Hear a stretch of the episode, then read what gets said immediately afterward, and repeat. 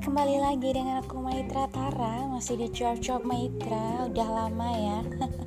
Udah hampir satu abad Cile, Satu abad. Nggak uh, bikin rekaman gitu.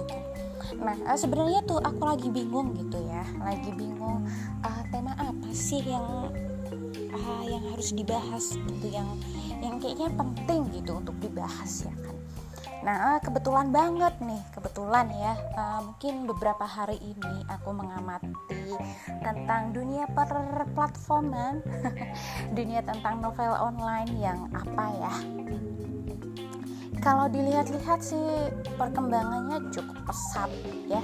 Makin banyak platform-platform baru baik itu dari luar negeri maupun uh, lokal itu sendiri.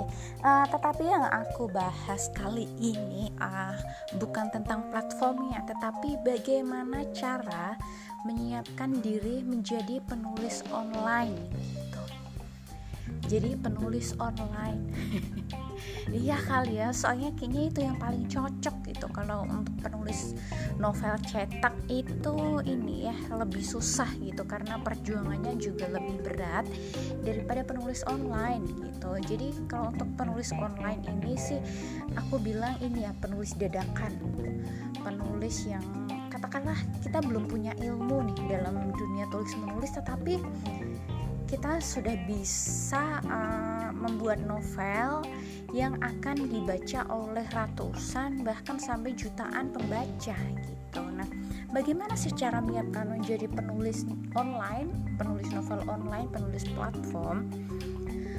Uh, pertama-tama adalah ini ya. Uh, bentuk mindset kita dulu mindset kita apa gitu. Kita ingin jadi penulis itu alasannya apa? Itu yang pertama. Apakah kita ingin tulisan agar agar tulisan kita dikenal? Atau kita ingin mendapatkan uang? Atau hanya sekadar hobi? Atau alasan yang lainnya. Nah, setiap orang ya, setiap orang pasti memiliki alasan masing-masing kenapa mereka menulis itu setelah kita menemukan alasan ini nih misalkan kita uh, aku nulisnya karena hobi nih.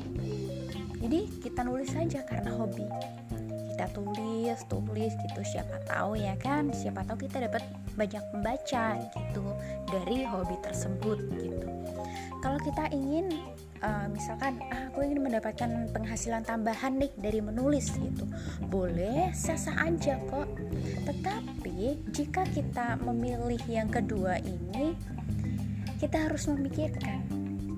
Kita harus uh, memikirkan plus minusnya konsekuensinya dan juga kita harus uh, memikirkan apakah kita memiliki kapasitas untuk mendapatkan uang dari menulis online gitu. Apakah kita memiliki kapasitas misalkan apakah kita tahu cara menulis yang baik?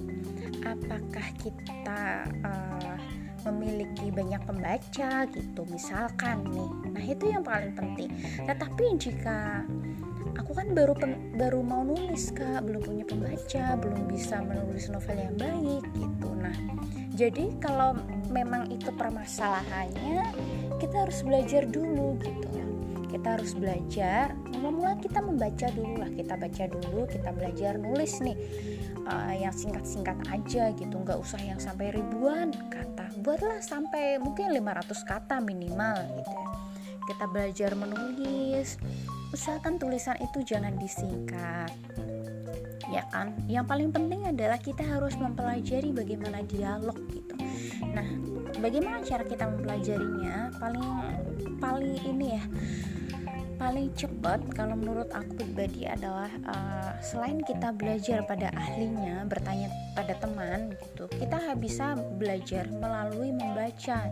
Jadi kita membaca buku kita amati oh jadi begini nih cara membuat dialog gitu kan jadi uh, setelah kita belajar kita menulis eh kok ada satu komen gitu ya kak? Ceritanya bagus lanjutin dong. Kita lanjut deh nulis kita lanjut nulis. Kita uh, menulis secara konsisten gitu kan. Nah setelah kita menulis setiap hari kita menulis ada pembaca-pembaca yang menunggu tulisan kita di situlah harapan kita untuk mendapatkan uang itu lebih banyak gitu loh. Jadi kita ah aku udah punya pembaca nih aku sudah bisa menulis dengan baik kok Nah, setelah itu mulailah kita lirik-lirik platform gitu. Nah, platform kan banyak sekali ya.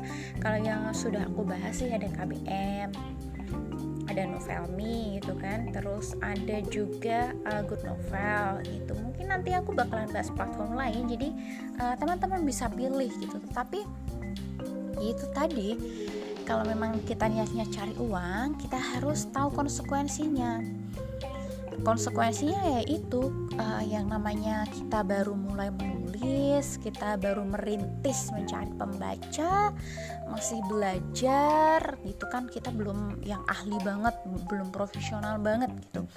Jadi uh, kita harus tahu nih kita nggak akan bisa mendapatkan uh, sebulan nulis kita langsung dapat 100 juta 20 juta gitu nggak bisa. Kita harus paham konsekuensinya itu gitu loh.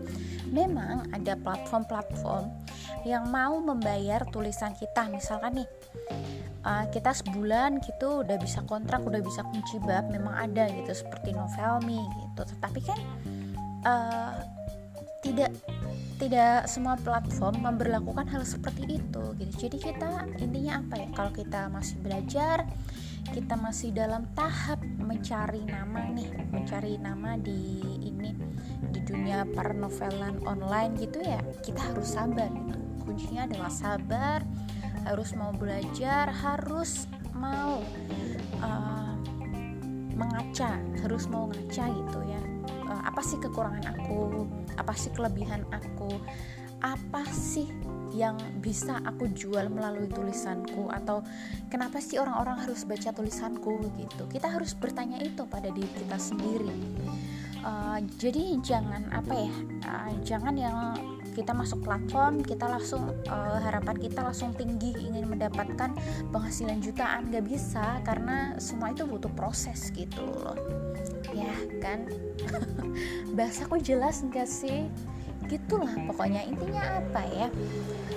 Cara menjadi penulis online ya kita harus belajar yang pertama terus yang kedua adalah kita harus mulai menulis kita mulai menulis kita sajikan tulisan kita kepada pembaca melalui sosial media kita. Ketika ada yang excited dengan cerita kita kita minta pendapat mereka apakah ceritanya sudah bagus kekurangannya di mana terus apa lagi yang perlu dibenahi. Pokoknya uh, selagi kita apa ya selagi kita masih hidup di dunia ini kita jangan gampang berpuas diri dan ya tetap belajar tetap semangat. Itu aja kali ya. Sudah hampir sudah lebih dari 8 menit. Ya mudah-mudahan bahasaku nggak belibet.